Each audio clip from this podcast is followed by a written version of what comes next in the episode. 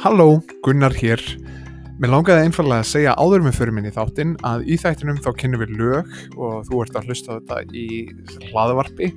Þetta er þáttur gerður fyrir lindina FM 102.9 og einnig fyrir hlaðvarp. Þannig að hér í hlaðvarpinu þá koma ekki lögin sem við kynnum en við mælum með að þú kynnið er þessi lög, þau eru indisleg lög og ógeðslega flott lög sem að Svafa kona mínu er búin að finna og mælum ótrúlega mikið með þeim. En hér á hlaðvarpinu getum við ekki spila lög og við ætlum því frekar að hafa tilkynningar hér inn á milli þannig að bara svo þú hafir það í huga og skilir hvað er í gangi ég vona að þú njótir þáttarins Þú ert að hrista á trú og líf. Já, góðan daginn hlustendur á lindinni. Þið eru að velko... Nei, velko... Þið eru mætt í þáttin hérna Trú og líf. Ég heiti Svagamari Ómsdóttir og með mér er eiginmaður minn Gunnar Ingi Gunnarsson, a.k.a. The Good News Viking, eins og hann er kallaður af vinn okkar Clint út í bandaríkanum. Já, Eh, Við erum að fara að taka fyrir mjög áhugaverða spurningu í dag sem við fengum senda á e-mailið hjá Gunnari. Uh, Já kannski taka það fram að ef þið viljið senda spurningar og við viljum, tök, tak, við viljum taka að, ef þú vilt að við tökum fram spurningar í þessum þætti sem að kannski kvílir þér á hjarta og getur senda gunnar at lofstofan.is Já, þú mátt kannski segja við mig aftur hérna, og segja okkur aftur hver spurningin er Gunnar því ég man aldrei hvernig hún hljómar. Já, já, það er, það er ekkert mál sko uh, Veitu Ég er bara að fara að skrifa hérna smá Já, hérna Heyrðu, ég fekk sérst e-mail og titillin er Stríð og Gamla testamentið. Og hér segir Sæll Gunnar, ég heiti Dóra og hef oft fylgst með umræðinu hjá þér bæði á lindinni og einnig skoða síðun ykkar. Mér finnst gott hvernig þú svarar og ræðir uh, mörg málumni, takk fyrir það. Takk að þetta fyrir það. Uh, Mér langar að senda inn eina spurningu. Dóttur mín sem er trúið kom heim um daginn og var leið vegna þess að hún hefði lent í samræðum. Þar sem var verið að rakka niður kristna trú og þá aðalega bent á öll stríðin og morðin í Gamla testamentinu og það var allt gert í nafni Guðs hvernig myndir þú svara þessu? Takk fyrir þetta þannig að Mhm. þetta er rauninni spurningin stríð í Gamla testamentinu Já, sem beinist kannski eh, ég held að fólk uh, segir oft svona ef, ef Guð er kærleikur af hverju þá svona mikið um, um stríð í, í Gamla testamentinu Já, akkurat. Þetta var, já, það var mjög áhugavert að skoða þetta, fannst þér ekki Gunnar? Jú, Þetta við erum náttúrulega búin að eða svolítið tíma í, í þetta. Bara, já, ég eiginlega auðvitað já, minnst, við fáum mest út í að við fáum svona spjalla og farið mismundi ves og akkurat, svona hugsa þetta. Akkurat, akkurat. um, Akkur núna þá blasir við okkur hérna tabla það sem við erum búin að skipta þessu upp í fjögur hólf. fjögur hólf. Þannig að Já, og við erum búin að skrifa hérna ímis ves en málið er að þetta er, veist, fyrir útvarpið þá, þá er þetta, veist, við erum með cirka 21 mínúti til þess að tala og svo eru lögin og allt það. Uh, fyrir hlaðvarpið, ef þú ert að hlusta í útvarpinu þá erum við með hlaðvarp líka, þú getur fundið okkur á Spotify eða Apple Podcast eða hvar sem þú færir hlaðvarpin, hlaðvarpin þín. Uh, þá, þá ætlum við að hafa þetta eins lengra til þess að uh, klára umræðuna. Ég veit ekki alveg hvort við náum þessu á þessum tíma sem við erum með. Nei, En þetta er svolítið stór spurning og þetta er eina st- stærstu spurningunum sem ég hafði svona álvarlegustu spurningunum. Mm en, en uh, uh, því miður þá er það frekar algengt að maður lendir í því að fólk sé að rakka niður kristna trú. Og þá er það oftast út af því að það hefur ekki kynnt sér hvað stendur í biblunni heldur hefur það kynnt sér kannski einhvern einstakling sem kynnti sér hvað stóð í biblunni.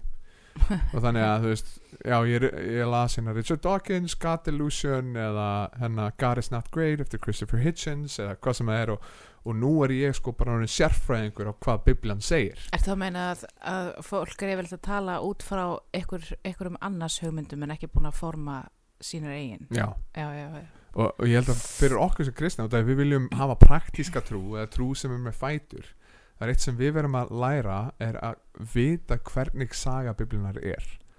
Eða, veist þannig að, að vita hver er, hver er punkturinn á bakvið allt sem er að gerast í gamla testamentinu? Mm er punkturinn til dæmis að allt sem gerist í gamla testamentinu er eitthvað sem að Guð vill og er gert í nafni Guðs? Veist, og, og það er kannski fyrsti punkturinn sem við ætlum að fara í að ekki allt í gamla testamentinu er gert í nafni Guðs. Það eru sömur hlutir sem gerast. Þú veist til dæmis ef þú horfir á karakterina þú veist eins og það sem stendur upp úr fyrir mér er Abraham sem er hrættur þannig að hann fer frá fóreldru sinum frá vendinni sem var hluti af því og hann byður Söru um að ljúa hún sé sýsti sín. Og þannig er ekkert eitthvað svona þú átt ekki, við eigum ekkert að vera að lesa þessi vess og eitthvað, já, herðu, ég ætti kannski bara að söfu að ljúa að fólki að hún sé sýst nei, þú veist, að það er verið að undirstryka að Abraham var ekkert það impressive en Mhm. hann var frelsaði fyrir trú. Hann var frelsaði fyrir trú á Guð sem er mjög impressive og Akkurat. í rauninni í gamla testamentinu þá er fullt af einstaklingum sem að hann að já, sem að eru bara mjög uh, já, með allt niður í sig einhvern veginn og, og annað þess Já, þannig að við erum nýbakaði fóreldrar í fjólaskipti þannig að þetta er það er hérna dóttir okkar er að vakna en ég, ég ætla að halda áfram með þetta. Þannig að mér langar að nefna nokkuð dæmi sem að er í gamla testamentinu sem að, sem að eru kannski svona góð dæmi um eitthvað sem gerist sem að er frekar hræðilegt en, en það er ekki gert í nafni Guðs. Það er að segja Guð vill ekki að það gerist. Uh, til dæmis er ég að, byrja upp á nýtt að, lesa henni biblina og ég er búin að lesa fyrstu tvær mósubækunar undanfarið. Og það sem stóð uppi fyrir mér er til dæmis fyrsta mósubók uh, í kapla 34 það var það hræðilegt atvik sem á sér stað við Dínu uh, sem er æðislegt nafn að heita Dína. En hann að hún er sýstir þeirra tólf bræðra Jakobs og hún lendir í því að, að það er sem sagt uh, það er nöðgað henni. Og það er alveg hræðilegt og svo er einstaklingurinn sem sem gerir þetta við hann hann reynir, hann kemur til pappin og segir, heyru, mér langar að giftast henni. Þú veist, ég bara, ég fíla þessa konu og mér langar að giftast henni eins og ekkert sé mér finnst það ótrúlegt að það sé bara þannig að hann er bara, já, veistu, mér, mér langar bara í og hann byrði pappa sinnum að tala við pappa hennar og, og klára þetta, fá bara að giftast þessari dínu. Nú tveir bræður uh, dínu, var að Benjamin og Levi eða eitthvað slis þeir vera brjálæðir uh, sem er náttúrulega bara skilinlegt en þeir fara svolítið yfir strikið. Þeir hann að byggja fólki, já, ef þið vilja giftast dínu þá þurfa allir að umskýra sig í, hjá ykkur. Mhm. allir kallanir þannig að allir kallanir umskýra sig og meðan þeir liggja í sárum sínum fara þeir inn og drepa hvern einasta kallmann og Já. þarna er til dæmis saga sem er bara hvað ok, wow. Mhm. þetta er ekki nafni Guðs þetta er bara veist, hvorki það sem gerist fyrir dínu nýja það sem gerist fyrir uh, sérst, kallana eftir á.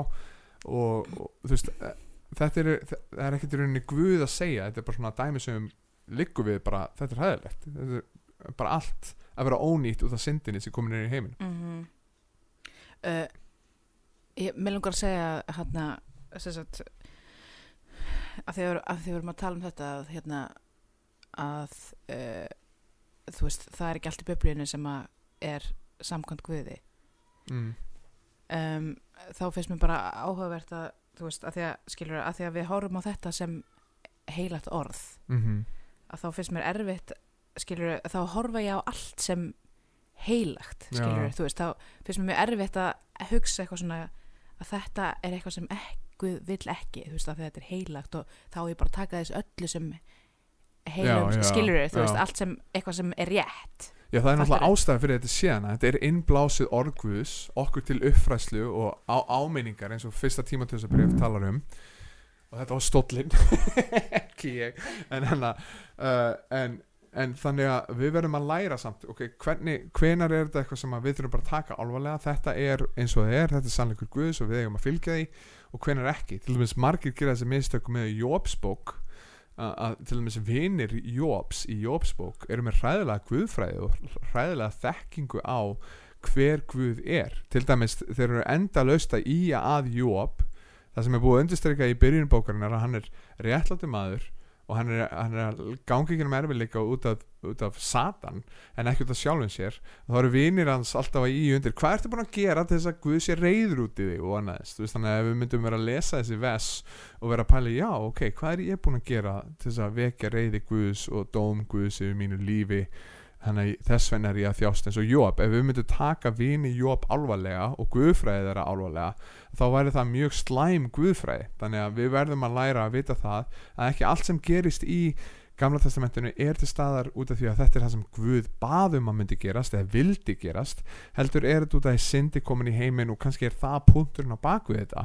Að, frá og með þriðja kabla í fyrstu Mósebók þá byrjum við að sjá Abel er drepin af Kain og við byrjum að sjá áhrifin sem syndin fyrir að hafa á heiminn og á sköpunin og við sjáum hvað gerist þegar við fjarlægjumst uh, náðina þegar við fjarlægjumst samband okkar við Guð þegar við fjarlægjumst ljósið þá tekur myrkrið og kuldin við og það er það sem er að gera svolítið í fyrstu Mósebók og það sem við sjáum í gennum mannkinn söguna síðan. Og, og auðvitað er það Jésús Kristus sem kemur til þess að koma okkur aftur á, á, á, á, já, lífið áðurinn að syndafallið áttu sér stað.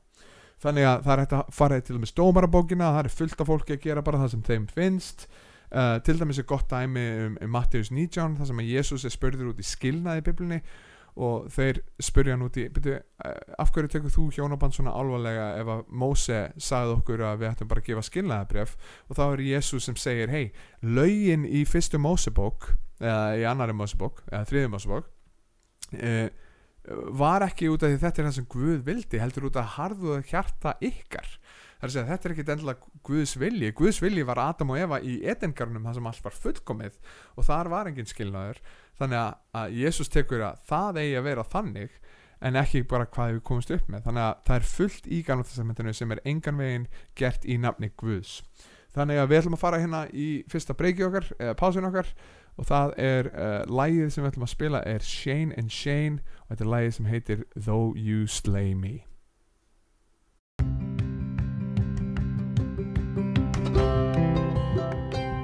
Hæ, heyrðu, ég ætla nú bara að auðlýsa hérna fyrir uh, kirkjun okkar Lofstofan Baptistakirkja uh, samkominnar hjá okkur. Við erum með samkomu klukkan 11 í kefashúsnæðinu sem er staðsett í Fagraþingi 2A í Kópavogi í Kórakverfinu. Uh, samkominnar eru á ennsku en uh, já, þannig að þeir eru bara mm, endilega velkomin til þess að koma og vera með okkur. Við varum rosalega glöða að fá að sjá okkur.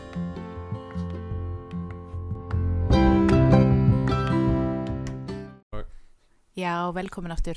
Þið er að hlusta á Trúa líf, ég heiti Svamar Jómsdóttir og með mér er Gunnar Engi Gunnarsson. Uh, og Victoria já, og Viktoria líf hérna. Um, búklóðin sem við heyra hérna bakvið, eða baksviðs, það verður hún fræga Viktoria okkar hérna. mm Um, sem vant, vaknaði undan á allir já, já, komið hyggstæðið okkar bótt. Hérna, herðu, við höldum áfram, þurfum við ekki að kynna bókina, Gunnar? Jú, herru, við erum með bók mánaðarins bók mánaðarins sem sagt heitir uh, það sem við ætlum að gera, við ætlum að, ætlum að lesa eina bók í hverju mánu og bókin fyrir februar mánuð er sérst bókin uh, A Praying Life eftir Paul E. Miller og við mælum með að, að þú lesir hana með okkur, þú getur fengið hana á Kindle og Amazon.com og annarkvort þar eða á, á lesbretti uh, og bara lesi með okkur uh, já, þessa indislegu bók og svo í senasta þættinum í mánuðunum þá ætlum við að tala um þessa bók. Og já þannig að ef þú ert að hlusta á útvarpið þá er þetta líka hlaðvarp og hlaðvarpið er aðeins lengra sem ég held að vera mun lengra heldur en útastátturinn í dag út af því að við kláruðum 1 punkt og við erum með 6 Já. þannig að, já, kannski við hoppum yfir í annan punktin uh, við vorum að tala hérna um uh, ekki allt í gamla testamentinu er Guðs vilji og við erum að í rauninni að svara e-maili sem kom, kom til okkar og svara spurningunum sem kom þar fyrir. En punktur nummer tvö er uh, Guð er ekki bara reyður í gamla testamentinu sem er þessi mynd sem að fólk hefur svolítið af Guði í gamla testamentinu. Uh, ég hef heyrt mér þess að fólk segja já Guð gamla testamentisins eins og það sé eitthvað svona annar Guð heldur en Mhm. Guð nýja testamentisins og það er bara einfallega ekki satt.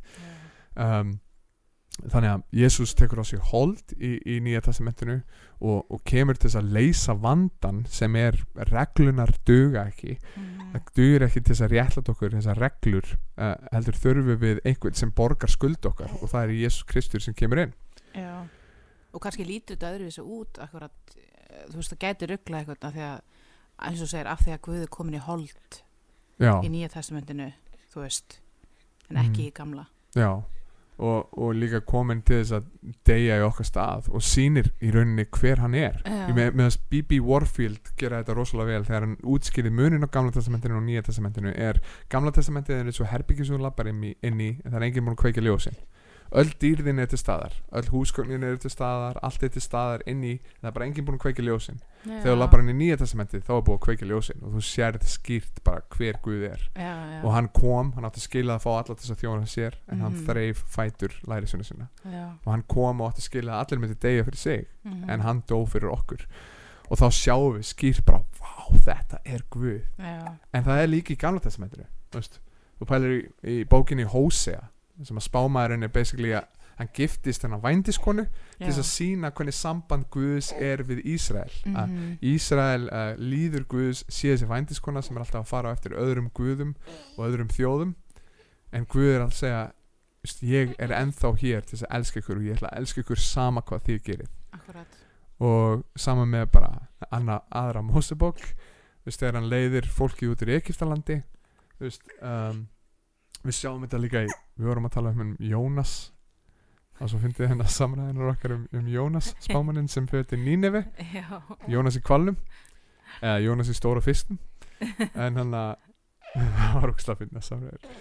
En, en það er óksla að fyndin bók. Þú veist við vorum bara að tala um þetta í gær. Hvernig hún endar er bara á ég ekki að sína miskun Jónas? Og Jónas er bara einhverju fílu út af því að hvað eiðilaði ekki Nínive já, þannig að hann er sérst að reyna að forðast að fara til Nínive og predika til þeirra að þeir eiga yðrast annars kemur Guð og eyðir þeirri borg og ástæðan fyrir að hann er að forðast hann segir það í fjórðakabla er þetta að Guð er svo náðugur og hann vissi það. já, bara hvað, ég vissi að þú myndir fyrirgefa þessu fólki að það myndir yðrast og mér langaði að þú eyðilaðir þessa borg. Og það er hann og það er margt í kringum Nínive sem var bara hrein, hreinlega ógislegt. En hann að hann vildi fá dóm Guðs og það sem hann segir í rauninni er svolítið fyrir, fyrir marga sem segja kannski, já Guð gamla það sem þetta sem svo harður. Jónas er ákvörð öfugt, hann bara Mhm. hvað, ég vissi að þú ert svo miskunnsamur. Mhm, ég vildi ekki koma hingað. Mhm. og svo bara enda bókin þar. Hann er bara leiður upp á okkur hæð. En ég finn, eh, ég finn alveg að ég erði ég væri pottet Jónas sko. Já, þú skilur ég, ég var bara eitthvað það var ekki að pæla í þessu því ég var að, hann að lesa þetta bara hvað mér finnist erfitt. Sjálfur erfitt, bara eitthvað, hann var bara eitthvað já, já, ég fyrir ekki eitthvað bara, þú veist, fyrir allt já, þetta ógeð sem við erum búin að gera og lengi. Já. Og svo, já, í raun, en, en í rauninni er þetta svolítið bara að mála mynd á okkur sjálfum. Við Já, erum sjálfsögðu. þú veist, mm eina sem við gerum sem kristin einstaklingar er við eðrumst og við begjum okkur til Jésu Krist segir, viltu fyrirgefa mér? Og hann segir, já, skal fyrirgefa akkurat, akkurat og, og þú veist þannig að það er kannski auðvelt að setja sig í, eins og Jónas kannski Jónas sjálfur er ekki átt að sjá. Hann er, þú veist, ástæðan fyrir það að hann er já, til stað er, er lifandi. Er, þú veist, af hverju drap Guðan ekki bara eitthvað? Hver heldur þú sért Jónas, þú veist, ég er að segja þér að fara ég, er, ég má fyrir ekki þessi fólki ef ég vil, skilur og hann að, allavega já, þannig að það er fullt af stöðum, þú veist í, í Ezekiel 34 er geðið dæmi um bara ást Guðs það sem hann er að segja bara þeir eru búin að hafa slæma hyrða sem er ekki búin að leiða ykkur vel áfram. Ég mun koma. Ég mun Mhm. vera hyrðir ykkar, ég mun leiða ykkur áfram. Ég mun sjá til þess mm, að þið munu líða og, og allt þetta er að benda til Jésu akkurat, þannig að Guð í gamla testamentinu er ekki bara reyður en á sama tíma myndi ég segja að, að já, Viktor ég er Já. og hérna, amen, amen. En á sama tíma myndi ég segja að kærleikur Guðs kallar fram á reyði eða hvernig orðaði þú þetta? Þegar þú elskar mannesku sem, sem er svo særð af öðrum þá rís upp réttlætiskendin Já. Að, að ef þú elskar eitthvað og þú sérð eitthvað annað vera að eyðileggja þann sem þú elskar mm þá, þarf, þá, þá er það kærleikurinn sem verður að kalla á reyði og dóm. Þú veist að þú vilt ekki sjá þessa mannesku sem þú elskar lenda í því að vera eyðilögð af syndinni eða af syndugum manneskum þannig að, að, að, að kærleikurinn, það er ekki bara annarkvort er Guð kærleikur eða hann er reyður heldur stundum er reyðin réttlátt. Akkurat, og ef þú ert til dæmis hann úti og, og ert kannski að segja uh, ert kannski að segja þú veist, já hann að já ég er nú, nú bara gó- góð manneskja og, og mér er alveg sama þú veist hver, hvað einstaklingar gera við börni mín eða hver, hver framtíð þeirra verður eða hvað konan mín er að gera með öðrum eða eitthvað svona, þá bara svona býtu hver ertu og af hverju heldur að það sé gott Já, þannig að, að kærleikur, við verðum að muna það kallar svolítið á réttlæti Mhm, og, og reyði þegar að það rétt, hefur rétt á sér.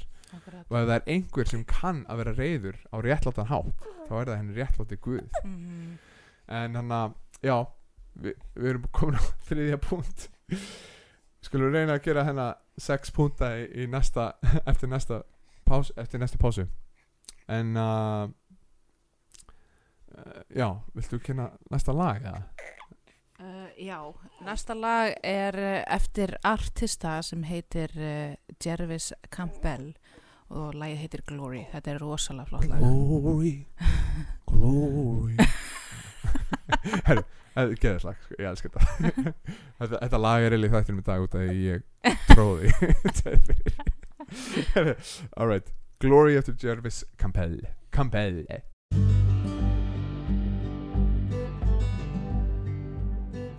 heyrðu, ég ætla að koma hérna aðeins inn á varandi að hérna gefa podcastinu engun og deila því. Við vorum að velta því fyrir okkur hvort að þið gætuð og væri svo væn að gefa podcastinu engun og deila því vegna þess að það hjálpar uh, þættinum að sagt, ná til fleira fólks. Og við værum mjög til í að hérna, að þátturinn myndi ná til fleiri fleiri erna til þess, að, til þess að hlusta á því að þetta er, já, við telum þetta góða og mikilvæg spurningu til þess að hérna, íhuga og, og sérstaklega fyrir þá sem eru mjög leitandi. Þannig að varum mjög þakklátt ef að þið myndu gera þetta fyrir okkur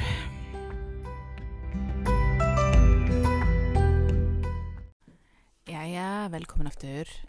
Þú ert að hlusta á Trú og Líf með Gunnar Inga Gunnarsinni og Söðumari Ómarsdóttur og Viktoríu Geispandi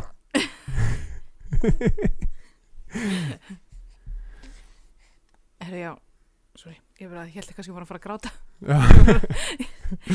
En já, hérna, við erum að hérna, svara spurningu um vaðandi stríð í hérna, gamla testamentinu. Um, já og þetta er þriðið hlutin af því já, við erum að dempa okkur í þriða hlutan, já. og þannig að við erum búin að fara Um, yfir ekki allt í gamla testamentinu Guðs vilji Guð er ekki bara reyður í gamla testamentinu eins og margir vilja halda Já, og elskar heimta reyðir akkurat. heimtar Næst við að fara hérna í, uh, þess að tala um rauninni tvö stríð í gamla testamentinu sem eru skipuð af Guði. Já, Þa, þannig að þegar spurning kemur inn eins og þessi þú veist, þannig að það er svolítið erfitt að svara þessari spurningu út því það er bara að tala um já allt stríði gamla testamentinu það, var, það væri gott ef þú myndir nefna einhver ákveðin ves en það sem ég elska að gera er að taka það erfiðustu spurninguna uh, erfiðasta hluta spurninguna og díla við það. Þannig að það sem ég dvala á í langan tíma voru tvö ákveðin stríð sem að eru bara Guð segir þið eigið að fara inn í kannans land og þið eigið að íta þessu einstaklingum út og orðalagið er rosalega brútal bara allt sem lifir í þessari borg mun deyja Mm -hmm. uh, það er sum, sumstaðar það sem kemur kallar konur nei, kall, kallar konur drengir, enda. stúlkur uh, dýr Bara dýrin og allt Já. saman. bara allt verður verður drepið Mm en það sem, það sem ég vil taka fram áður en við förum í þetta er Ezekiel 1823 það er, það er vest sem að minnur okkur á að, Guð gleðist ekki yfir dauða fólks og jável dauða illra manna Eh, eins og, eins og segir í, í Ezekiel 1823 er þá vil þráir hann að við komum til trúar Akkurat. í rauninni að við leiðrættum okkar veg og við trúum á hann Mhm. og já hann mun en, en, en það, sem að, það sem við sjáum er að Guð lofar okkur þessu að hann mun dæma óréttlæti og hann mun standa við sín loford í gamla testamentinu sem er það að gefa Ísrael þetta fyrirheina land í kanan það er að segja Já. Guð segir ég á alla jörðina skiptir einhver máli hvaða hvaða þjóðir segjast eiga þetta land ég á alla jörðina ég hef ákveðið að gefa þessu fólki þetta land og við fórum svolítið í svona að pæla ok, af hverju þetta land samt svona, og Já, kann, akkurat. kannski það fyrir senni hlutan fyrir Já. en, hana, en það sem við sjáum er Guð í rauninni að dæma kananýta Mhm. er eitthvað sem þú vilt segja að hoppum áfram með Var hann dóm kannan í þetta? já, Um, nei, svo sem ekki náttúrulega- Nei, í raunin ekki. Það er svo sem snertir ekkert mikið finnst mér inn á já en ja, og þetta kemur fram í fyrstu Mósebók 15-16 sem er mjög áhugavert vers. Og það er, það er Guð að segja við Ísraels menn heyrðu, það er ekki komin enn sá tími að við munum dæma kananýta já, heldur eru þeir ekki búin að fylla mælin þa þar til ég dæmi þá réttlátlega þannig að hann er að býða eftir því að þeir séu komnir yfir strikið. Veist, og bara eitthvað þá ætla ég að dæma kananýta með því að láta ykkur fá landið. Mhm, og það sem við sjáum í þriðju Mósebók átjöndakabla er af hverju hann er að dæma kananýta mhm, það er þeir eru basically búin að lifa í opinni synd uh, þeir eru búin að tilbyggja aðra guði sem fól með sér í að, drepa sín einn börn uh, fórna þeim til uh, til guða sinna og annað eins. En það sem að segja líka við Ísraelsmenn er hei, ef þið gerir þetta þá verður þið ekki lengur í þessu landi. Mhm, þá mun landi gera sama við ykkur, spýt ykkur út. Mhm, hvað sjáum við senna í galantestamentinu Babylon kemur. Akkurat. Þeir fara til Babylon og, og þannig að Guð er ekki þetta er ekkert endlu um já, hvaða þjóð til eru hvaða ættbálki eða eitthvað svoleiðis þetta er um hei, ert þú minn líður? Mhm, en það eru þessi tvö stríði í gamla testamentinu og það er í fyrsta lagi Kananítar og það er í fjórðu Mósebók 33 vers 50 mhm, uh, þetta er sætistu nærri heimi. Og svo er það þegar að Ísrael er komið inn í landið að þá er það Sál sem er fyrstu konungur í Ísrael og hann á að fara í stríð við Amalekítana sem er, sem er þjóð sem að var búin að reyna að drepa Ísrael um leiðu þeir komin í landið. Mhm, og heldur svona svolítið áfram alveg fram í Estirarbók þá er það Amalekíti sem er að reyna að drepa gyðingana aftur, alla gyðingana.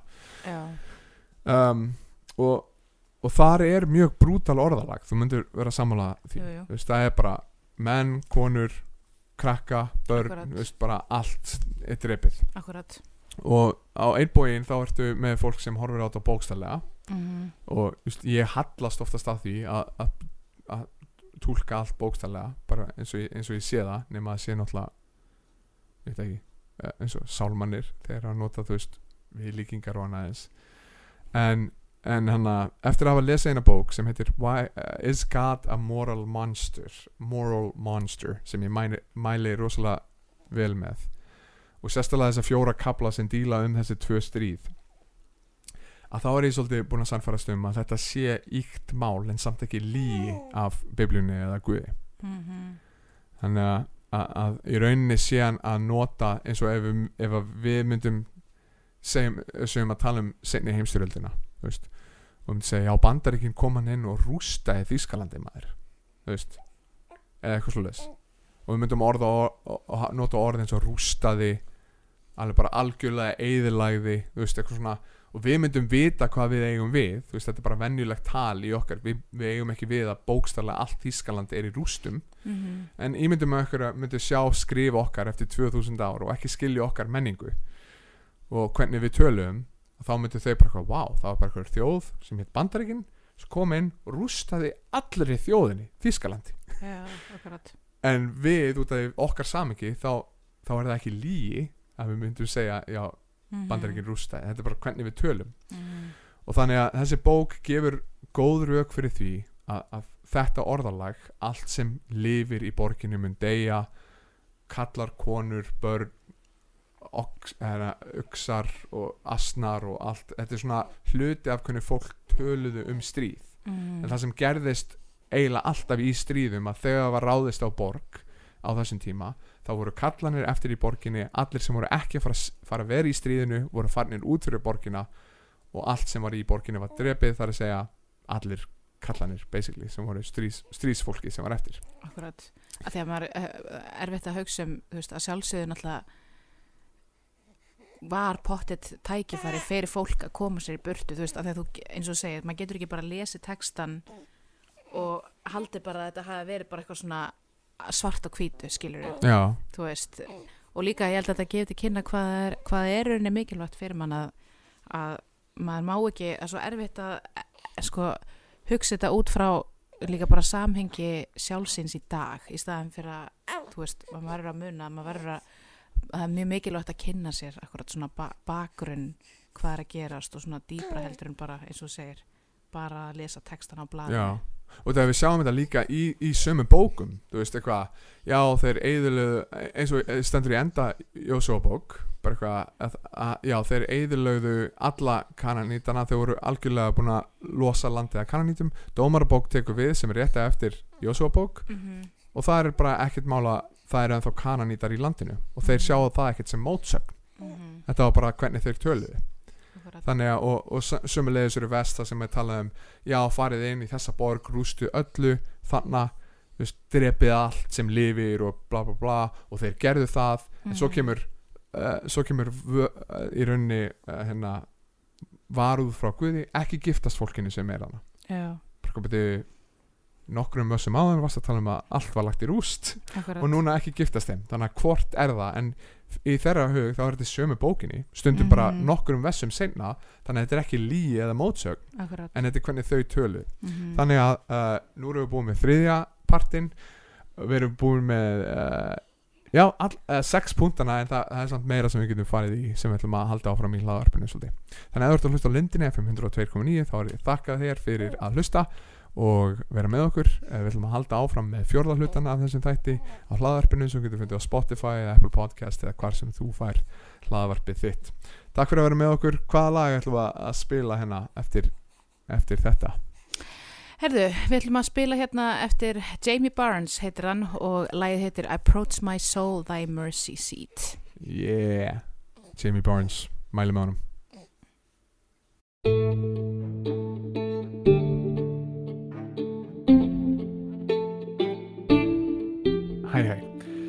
Mér lókaði að, að einfallega segja það að þú ert að hlusta hana þátt og þú ert ekki kristinn og, og ég vil kannski útskýra hvað ég á við með því að, að þú sért ekki kristinn. Það gæti verið að þú sért skráður í þjóðkirkju eða fríkirkju hjá þjóðskrá.is, það gæti verið að þú sért að mæta á samkomur ykkur starf eða jável að þú sért að lesa bibluna hennar reglulega. Það gerir þið ekki að kristinn meistelning. Mér lókar að lesa fyrir því hvað Páll Pósteli segir í Rómarbröfni 10. Ég vil byrja hérna í áttunda vessi og þá segir hann hér uh, orðtrúarna sem við predikum er þetta. Ef þú játar með munni þínum Jésús er drottin og trúir í hjarta þínu að Guð hafi uppvakið hann frá döðum mynd þú hólpin verða. Með hjartanu er trúa til réttlætis en með munninum játa til hjálpaðis þannig að mig langar einfallega að leggja þá áskorun fyrir þig. Ef þú ert það núti og þú ert ekki búin að taka þetta þú ert búin að játa Jésú Krist sem drottin það er að segja hann ríkir yfir þér, hann ræður, hann stjórnar ferðinni og frelsaraðinn, það er að segja ég kem frammi fyrir Guð á dómstegi og segi ég er aðeins frelsaður af náð fyrir trú á það sem Jésús Kristur hefur gjört og það er að borga minni skuld, að reynsa minna synd. Ég vil skora á því í dag að taka þessa ákvörðun því að það er ekkert betra í þessu lífi en að hafa Jésú Krist sem bæði drottin og frelsara. Það er besta gjöf sem ég get búið þér og ég byrði um að taka þessa afstöð í dag og hafðu samband við gunnarallofstofan.is ef þú ákveður að gera þetta.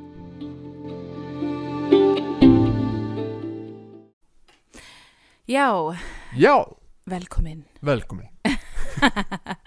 Þú ert að hlusta á Trúa líf. Uh, ég heiti Samar Jómasdóttir og með mér er Gunnar Ingi Gunnarsson. Halló? Um, herðu, við erum bara að halda áform hérna með tala um sagt, stríð í gamla testamentinu og ég gleymi alltaf hvernig ég á orða þessa spurningu. Stríði, ef, ef Guði kærleikur af hverju svona stríði, mikið að stríði með gamla testamentinu Já, já, já, já, akkurat. Og við vorum að klára að tala um hérna uh, sagt, þessi tvö stríð sem að Guð skipaði. það Um, heyrist allt og hátt í bankinu já, akkurat.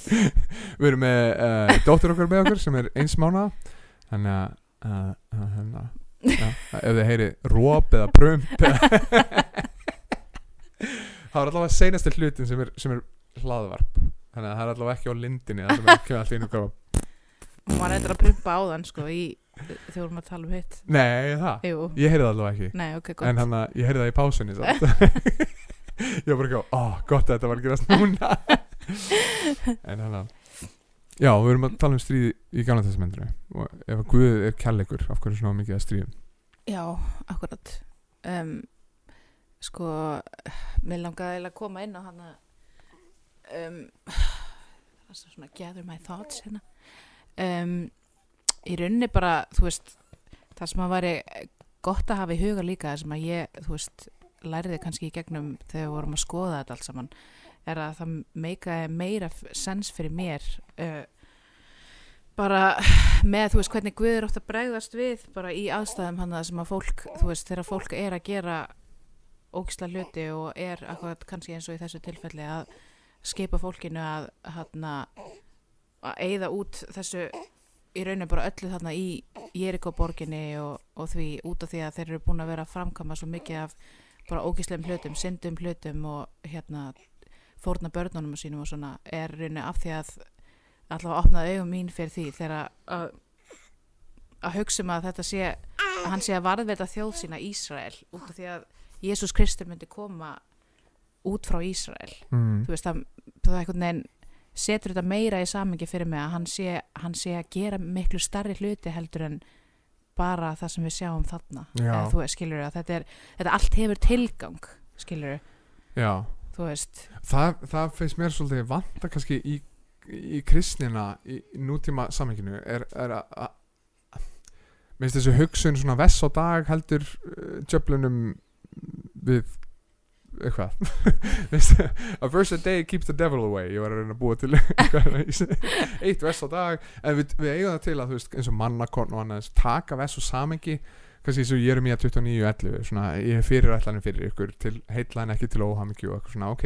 Þetta er, þetta er góð og þægileg orð en ef þú horfir á samengi þá á þetta við um ákveðin hópa fólki í ákveðinum aðstæðum. Þannig er herrleiðingin til Babylon eiga sér stað mm Ísraelsmenn eru að horfa í kringu sig allt er ónýtt og, og þeir eru að hugsa byrju, var Guð ekki búin að lofa að við ættum að vera blessun fyrir alla þjóðir og eitthvað svona, já, en Guð er að segja nei, ég er, ég mun koma með ykkur aftur ég er með Mhm. áallun fyrir ykkur og það er ekki bara eðilegging og, og þú veist, annað eins það er, ég Akkurat. mun vera með heilla eh, sest, áallanir ykkur til heilla og ekki til Akkurat. óhamingju og ég held hérna það allavega hjálpar mér til dæmis akkurat það er svona segja, að þetta er samt alveg þungir hlutir að kingja náttúrulega bara að, að þú veist að það sé tekið líf og svona. Mm. en, en samt og enn og aftur þá þarf maður líka að muna að þú veist að, að ef að ykkur ætti að taka líf þú veist, þá myndi maður vilja að það væri heilagur og réttlættu guð. Já, sem, að, sem að er ekki synd. Já, skilur þú veist að að hann, það er ekkert sem að hann getur gert sem að, sem að er syndugt eða óréttlátt en það er bara svo skrítið fyrir okkur að reyna að hugsa um þetta að því að við erum hér þú veist í okkar syndu að líkama þannig að við getum ekki alveg gripið kannski já. þetta fullkomlega. En það sem ég er svo áhugavert að pæla í er að þegar, þegar, þegar Guð lofar aðtum efi, ef, þið- ef þið etið af þessu epli að þá, þá munu þá munu þið deyja. Og í rauninni ætti Guð þú veist, það sem við eigum öll skilið er að laun syndarinnar er dauði. Þú veist, að, að í rauninni eru við öll bara hér og, og margir eru þú veist, í rauninni að slá Guð utanundir og, og rækja framan í hann og annað eins bara á þessum grundvelli að Guð er að gefa þér andadráttin sem þú ert að nota til þess að tala á mótunum til þess að gera grín að því sem að hann er búin að gera og hver hann er og eitthvað svona. Uh, paldi hvað er svona já, bara skrítið að hugsa til þess og, og í rauninni bara hversu ótrúlegt það er að Guð haldi einhverjum lifandi út af því að ef Guð væri bara réttlátti dómari mm. þá getur það bara drepið okkur öll mm. og hann getur sendt okkur eilíflega bara til helvitis mm. bara út af því að við ákveðum við erum búin að velja með okkar gjörðum ef við erum ekki fullkomin, þú veist, við erum Mhm. öll búin að syndga á einhvern hátt og þá ákveða að fara á móti Guði og þannig að hann geti réttlátlega sagt við mig, Gunnar, þú ert búin að ákveða hvernig þú vilt lifa og ég ætla að gefa þér eilíf í því hér, hér, er, hér er þitt helviti og, og hann að maður svona við eigum það til að, gera spurja í rauninni hvar var Guð í þessum aðstæðum? Þú veist, þegar eitthvað hræðilegt gerist en við spyrjum aldrei af hverju Guð að gefa mér þennan yndislega dag? Af hverju Guð að Já. gefa okkur þessa yndislega dóttir þú veist, En það er kannski að því að þú veist, ég meina það er kannski að það er náttúrulega enginn að pæla í eitthvað svona að, að þú veist, maður sjálfur sé syndur, þú veist, út frá þessu pælingu sem hafa, skilur veist, að, við, að við, við, maður sjálfur sé búin að gera eitthvað rámt, já. skilur kannski er það bara út af að við erum að með okkur við hvort annað sem er kannski búið að auka svolítið mikið með samfélagsmiðlunum. Mm. það er allir að miða sig við aðrar manneskjur þú veist, sama hversu veist, vel líf þeirra lítur út á, á Instagram eða Facebook eða eitthvað svoleiðis að, þá veistu samt að þau eru ekki fullkomin. Og þannig að ef þú miðaði við aðra manneskjur þá er svona ok, ég er, ekki, ég er langt frá því að vera fullkomin en ég er samt ekki eitthvað slæmur eða slæm. En ef þú miðaði við Guð sem er algjörlega fullkomin og heilagur þá áttu okkur á því bara já, þetta er ekki að fara að virka. Það er ekki sens fyrir mig að mæta þessum staðli og það er það sem að það sem að hana, Biblan segir okkur. Er minnisvessi þessari viku er hana, vá, æðislegt minnisvess hérna er hérna uh, okkur skortur öll Guði stýr og við, við erum öll syndu og, okkur skortur öll Guði stýr í Rómarbrunni 3.23 Mhm. og hérna það er punkturinn. Við þurfum öll á Jésu að halda. Og, og þrátt fyrir að við eigum skilið dóm og annað þess þá þurfum við öll á Jésu að halda. Akkurat. En Guð er heilagur og, og réttlátur. En það sem við já það sem, það sem mér finnst við þurfa svolítið er að sjá þessa heildarsögu gamla testamentisins. Já, hvað er að gerast? Út af því að Guð frá upphæðu frá þriðjum ásubók er búið að koma lofórðum sæði konunnar sem mun koma og það mun merja höfuð uh, hann að höggormsins í etin þannig að þá er lofórðum þennan frelsara sem mun koma. Já, svo kemur Abraham fram og það er sagt í genum þig mun ég blessa allar þjóðir. Og, og sömulegis fyrir sinni hans í genum þá mun ég blessa allar þjóðir. Og þannig að Guð er búin að ákveða að í genum þetta fólk og á þessu landsvæði mun ég sjá fyrir frelsara fyrir allan heiminn. Mhm. þannig að þegar að Amalekítar eru að ráðast á Ísrael þegar þeir eru að koma út í eðimörkinni og eru varnalausir þá kemur Guð með dóm yfir Amalekítana sem segir ég mun ekki horfa fram í þessu ég mun dæma þetta á réttlátan hátt. Akkurat. Og veist, hann sýnir miskun en hann dæmir sömulegis Mhm. þannig að við þurfum svolítið að hafa þessa sögu Galatasamendisins og ég mæli með ef þú ert hann úti og vilt svona praktísklega, ok, hvernig, hvernig get ég verið betri í því? Ég mæli með að lesa hægt bækur, lesa kannski einn kapla á dag og tyggja það og hugsa og stúdera og líka lesa hratt lesa hratt yfir marga bækur bara taka fimm kapla þar sem þú ert ekkert mikið að stoppa og pæla en þú er svona að fá heildar myndina akkurat. Það er svona hjálpar að fá svona 30.000 feta viðhorf á hvernig bibljan er og hvernig sagan er. Uh, og kannski bara halda áfram að hlusta á þessa þætti og vonandi getur við hjálpað þér eitthvað við það að setja svona hlutin í samengi og biblían setur svolítið tónin fyrir mann akkurat þegar maður að maður all, ætlar að horfa á þetta í samingi er þetta eins og Gunnar var að því að Guð gefur þetta lofur hann í byrjun í upphafi um, hérna, um Jésu Krist. Þú veist að þá gott að hafa þetta alltaf í huga. Þú veist þegar maður er að lesa skilur þegar maður getur að fljótur að gleyma þú veist að það er punkturinn á bakvið allt saman já. þú veist. Og í rauninni átti að vera að spyrja þau hvert einast skipti. Ok, hérna er Abraham. Er, þa er þetta sagði konunar er þetta en nei, hann, hann, hann getur ekki séð um sína eigin konu. Hann er ekki að fara að bjarga mannkinn þessi ykkur Já. Og sömulegis með uh, Ísak og Jakob og, og Júda og, og, og aðra E- eða þessi spámaður? Er, er það Jesaja sem er- mun koma og nei hann hann í kapla 53 byrjar að tala um einhvern annan sem mun koma og, þannig að eh, þetta er í rauninni þemað í gamla testamentinu að það mun koma fórn einn daginn. Og meiri sér að þegar að Abraham fer með Ísak upp á fjallið hræðileg túlkun og, og þýðing í, í, í íslensku biblunni en ég mæli með að skoða hana. Í fyrstu Mósebók 20. öðrum kapla þessi 14 þegar að Guð stoppar hann og hann segir uh, og hann finnur hrút fyrir hann til þess að fórna í Ísaks stað. Og þetta er ekki bara um trú Abrahams heldur líka um trú Ísaks. Það er munum það að Abraham er hund gamall á þessum tíma. Örgulega 120 ára gamall. Mm. hann er með Ísak sem er örgulega svona 14-15 ára á þessum tíma það er ekki séns að hann hafi náð að tækla Ísak og veginn binda niður. Þetta er líka Ísak að treysta Abraham. Allavega uh, Ísak ber viðinn upp á þetta random fjall sem heitir Moria fjall ok, þú kannski pælir ekkert mikið í því en senna í fyrstu konungabók þá áttar það á því að ó, Moria fjall er fjallið það sem að Jérúsalem er byggt. Og svo senna fyrir utan Jérúsalem þá er önnur fórn eða þar og það er maður sem kom líka með viðinn á bakinu og barða upp Moria fjall.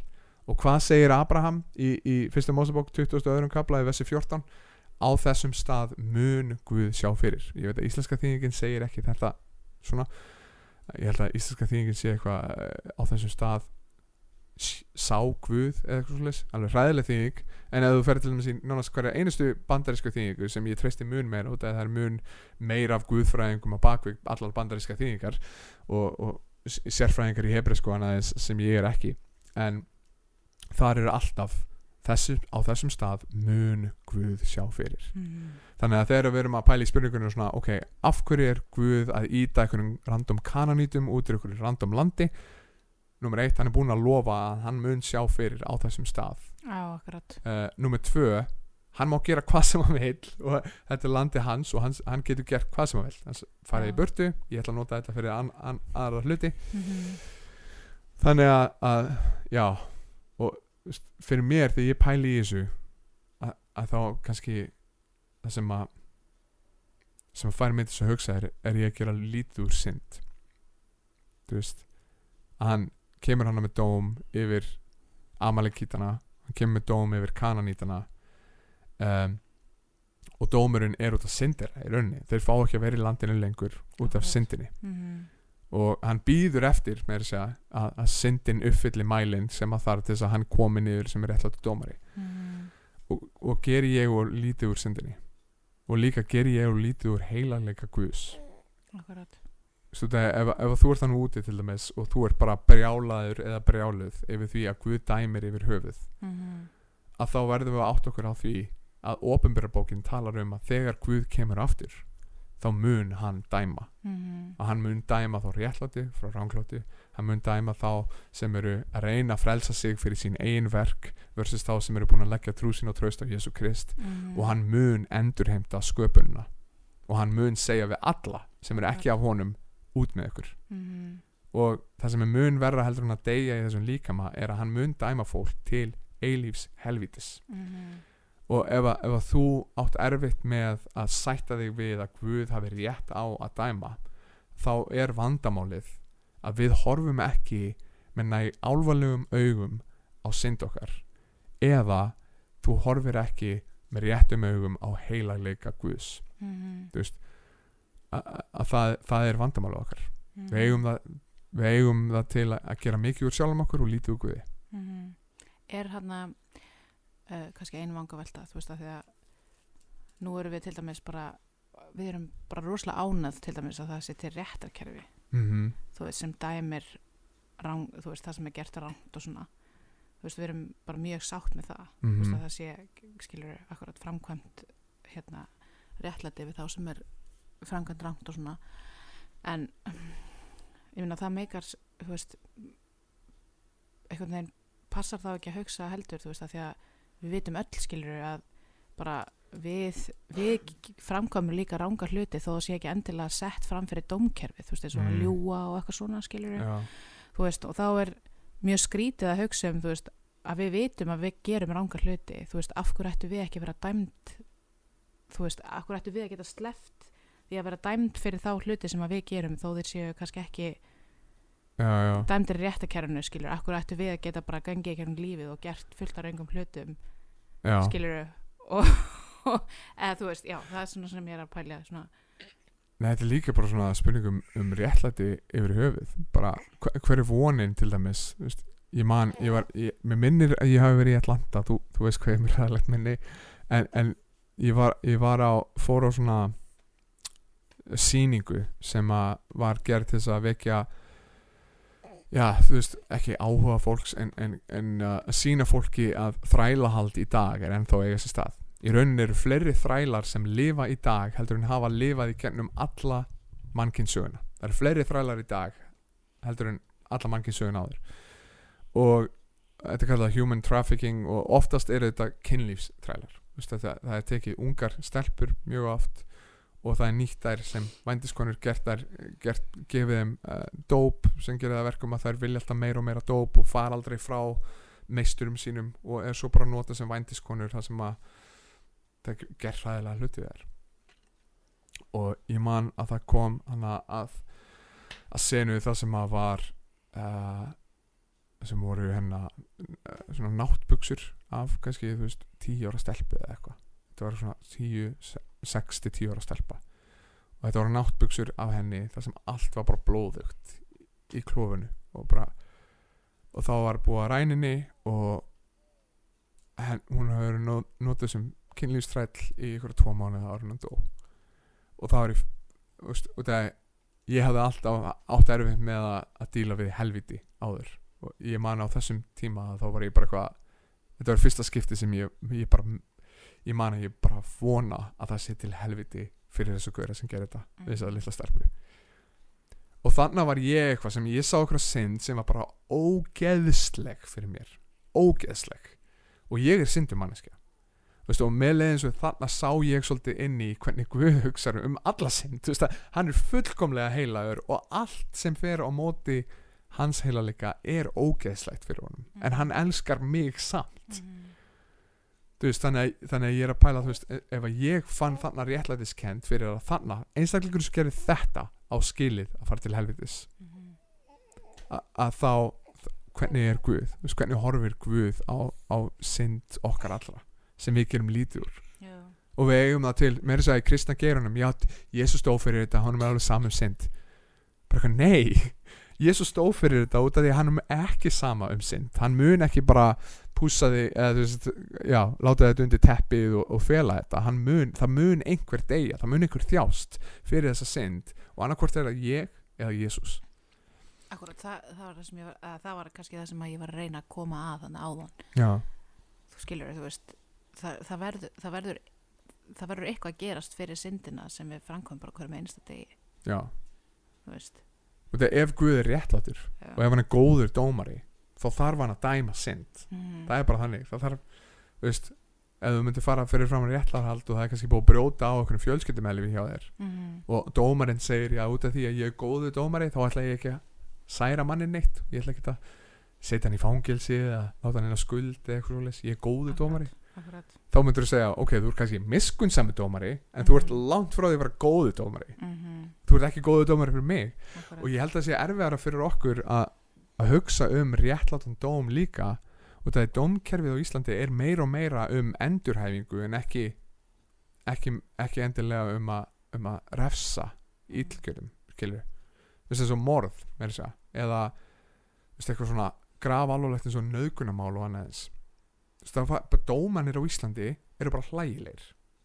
Eru bara hlægilegir það sem að stundum bara veist, í sem mjög alvarlegum málum þá er bara skilásbundin dómur og okkur svona Mhm. stundum í, við morð er bara já, kannski þrjú ár í fangilsið og fara að fara heim um helgar og eitthvað svona eitthvað dót, þú veist við erum meira fókus á Íslandi í réttakjörun okkar minna á réttlæti og meira á endurhæfingu Mhm. sem er alveg gott, við viljum endurhæfa fólk fyrir samfélagi þegar það er búið að ganga út, eða þú veist, búið með refsingur Já, sína, já, já.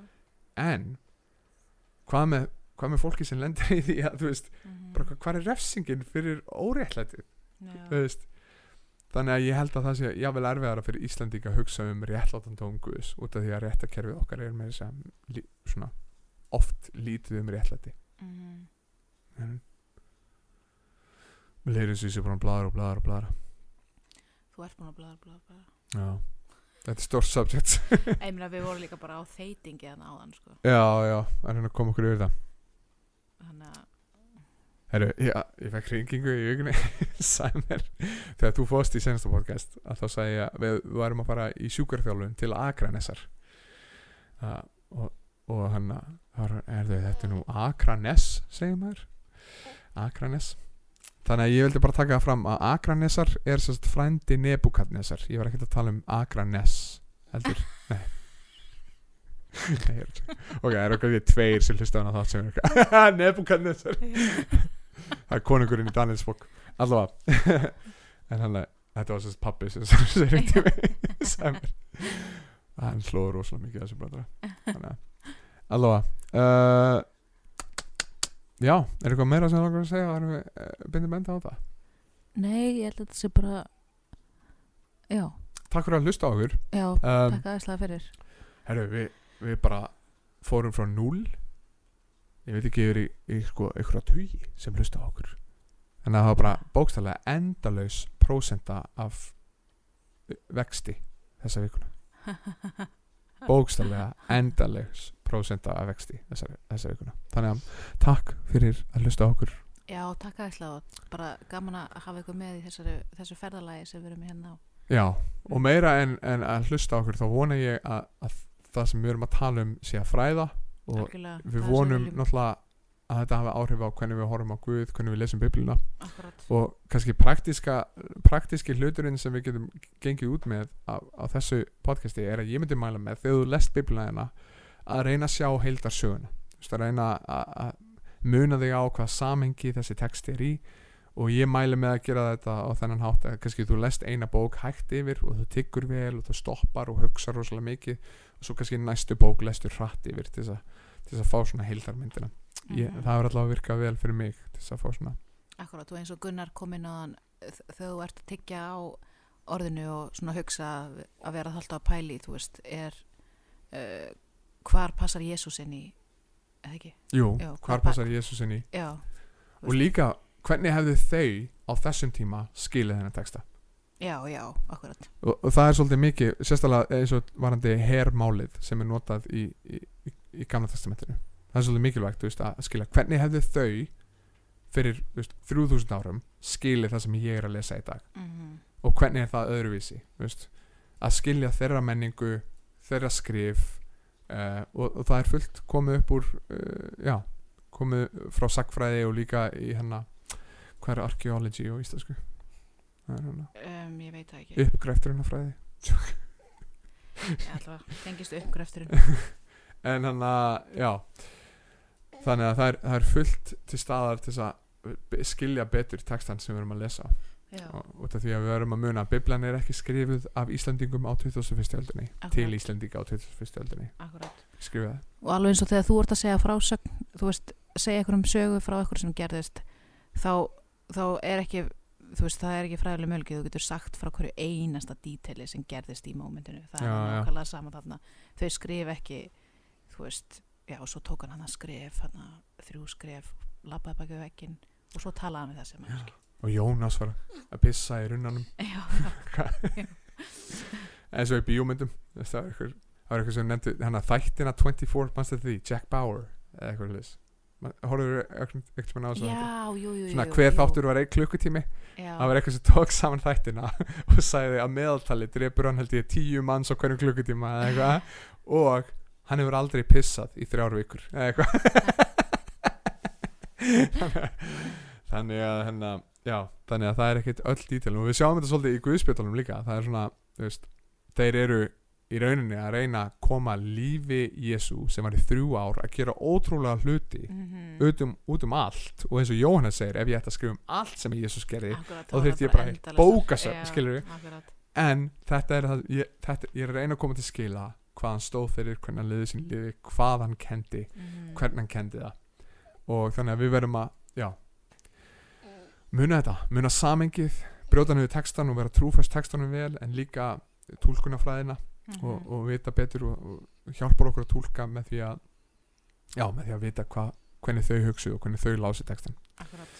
og, og líka bara samengið á textanum á aðeins og líka bara og svo kannski bara eh, það sem mikilvægast af öllu er að hérna, þetta getur örgulega hljóma kannski allt mjög yfir, yfir þyrmyndi en mér finnst það sjálfur líka þegar maður er að byrja svona en fyrst og fremst þá náttúrulega bara eh, mikilvægt bara að byggja fyrir að Guð leiði þig þú veist í gegnum þetta því að, hann, að því að hann, hann er sá sem að hjálpa þér að skilja og, og þú veist bara á sínum tíma þá, þá ofinberðar fyrir þér þú veist, meira og meira skilning bara og, og hjálpar þér að sjá þú veist, af því að hann er, það er honum mjög þóknarlegt að við viljum skilja hann betur. Þannig að það er hans vilji þannig að hann mun hjálpa þér að skilja. Já, algjörlega og bara mæli með því að byggja líka áður en þú ferð að, lesa og svona, bara Mhm. guð, viltu vera með mér? Veita með skilning? Allavega, ég hennar uh, Dóra, takk fyrir að senda e-mailið en ég vildi líka taka það fram Dóra ef, ef að það er eitthvað svona ákveðið vess sem þú varst með í huga sem er meira heldur en þessi stóra mynd sem þú gafst sem er stríð í gamla testmentinu eða eitthvað ákveðið segja, hei getið tekið þetta vess fyrir? Að, að þá var bara að senda e-mail okkur en uh, já, takk fyrir að vera með okkur. Guð bless ykkur og varviti Sjáumst